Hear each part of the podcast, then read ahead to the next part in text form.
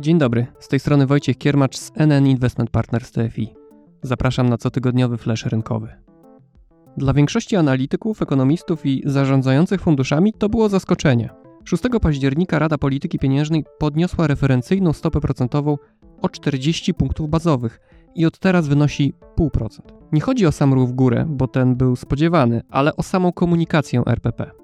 Jej prezes Adam Glapiński dotychczas utrzymywał, że podwyżka stóp mogłaby zaszkodzić rozpędzonej polskiej gospodarce i sama w sobie niewiele by dała, bo powody inflacji są po stronie podażowej, poza kontrolą RPP.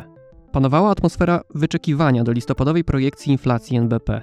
I mało kto spodziewał się, że przy takim stanowisku prezesa podwyżka stóp może nastąpić już w październiku. A jednak. Nasza decyzja miała na celu ograniczenie ryzyka utrwalenia się inflacji w średnim okresie, mówił prezes Glapiński podczas konferencji prasowej. Ryzyko wzrosło w wyniku kolejnych globalnych szoków podażowych. Przesunęły w górę oczekiwania inflacyjne. Nawet przed publikacją listopadowej projekcji wiemy już, że ścieżka inflacji będzie wyższa, dodał Glapiński. Zaskakująca podwyżka stóp procentowych dodała paliwa do dalszych wzrostów rentowności polskich papierów dłużnych. Na początku października rentowność dziesięcioletnich papierów o stałym oprocentowaniu wynosiła około 2,2%. Kilka dni po decyzji zawędrowała w okolice 2,5%. Dość powiedzieć, że na początku roku była dwukrotnie niższa. Z perspektywy funduszy obligacji zarządzanych przez NN Investment Partners TFI, podwyżka stóp procentowych niewiele zmienia, przynajmniej na razie. Rentowność obligacji o stałym oprocentowaniu rosła już bowiem przed podwyżką stóp w Polsce i niewykluczone, że będzie dalej rosnąć. To znaczy, że ceny obligacji będą spadać. W takich okolicznościach rozsądnym wydaje się, aby w obrębie funduszy dłużnych wybierać te o niewielkiej wrażliwości na wahania stóp procentowych, czyli o krótkim tzw. Tak duration. Są one w większym stopniu oparte na obligacjach o zmiennym oprocentowaniu. Ale nie dotyczy to jednak funduszy o najkrótszym duration, Podwyżki stóp procentowych oddziałują najmocniej właśnie na krótkoterminowe stopy procentowe. Rosną one bardziej niż te długoterminowe. Dzieje się tak dlatego, że te bezpośrednio zależą od polityki banku centralnego. W przypadku stóp długoterminowych duży wpływ na ich poziom mają również oczekiwania odnośnie do rozwoju sytuacji gospodarczej w mniej lub bardziej odległej przyszłości. Można się zastanawiać, czy skoro rentowność obligacji skarbowych mocno wzrosła, czyli ceny spadły, warto już teraz zainwestować w fundusze o dłuższym duration, Naszym zdaniem ten moment rzeczywiście się zbliża, ale jeszcze nie nadszedł. Nie można wykluczyć, że październikowa podwyżka stóp procentowych była pierwszą w pewnym cyklu. Gdyby miało się okazać, że będą kolejne, rentowność obligacji o stałym oprocentowaniu zapewne rosłaby dalej, a ceny spadały. No więc kiedy zatem przyjdzie moment na przetasowania w portfelu dłużnym?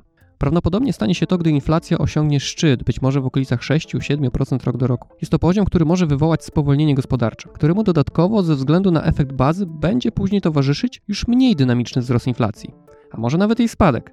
No bo przecież w 2022 roku inflacja w ujęciu rok do roku będzie porównywana z wysokimi poziomami, które obserwujemy obecnie.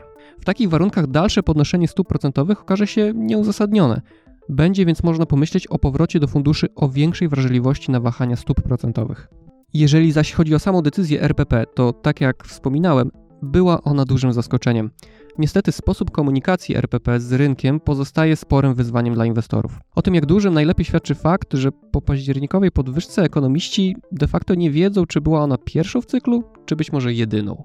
W NN Investment Partners TFI skłaniamy się ku poglądowi, że należy spodziewać się kolejnych podwyżek. RPP prawdopodobnie nie będzie się spieszyć, ale z wypowiedzi prezesa Glapińskiego podczas konferencji prasowej można było wywnioskować, że nie zamyka sobie drogi do dalszej normalizacji. Mamy bowiem do czynienia z przywracaniem normalnych stóp procentowych w Polsce, a nie z zacieśnianiem monetarnym. Przez ostatnie miesiące RPP podkreślała, że poziom inflacji to efekt czynników podażowych, i zewnętrznych, czyli takich, na które polska polityka pieniężna nie ma wpływu. I to się nie zmienia. Mimo podwyżki stóp procentowych trzeba się liczyć z tym, że inflacja pozostanie wysoka. Bank centralny zdecydował się jednak zareagować, żeby przeciwdziałać tzw. Tak efektom drugiej rundy, czyli lokalnemu popytowemu podbijaniu inflacji wywołanemu przez rosnącą presję płacową. We wrześniu inflacja konsumencka w Polsce wyniosła 5,9% rok do roku. Najmocniej rosną ceny gazu, paliwa, energii elektrycznej, koszty wywozu śmieci, a także warzywa czy mięso drobiowe. Wśród nielicznych towarów, których ceny spadają, jest sprzęt telekomunikacyjny, mięso wieprzowe i herbata. No więc nie pozostaje mi nic innego, jak życzyć słuchaczom smacznej herbaty. Bez cukru, bo ten też drożeje. To wszystko na dziś. Do usłyszenia za tydzień.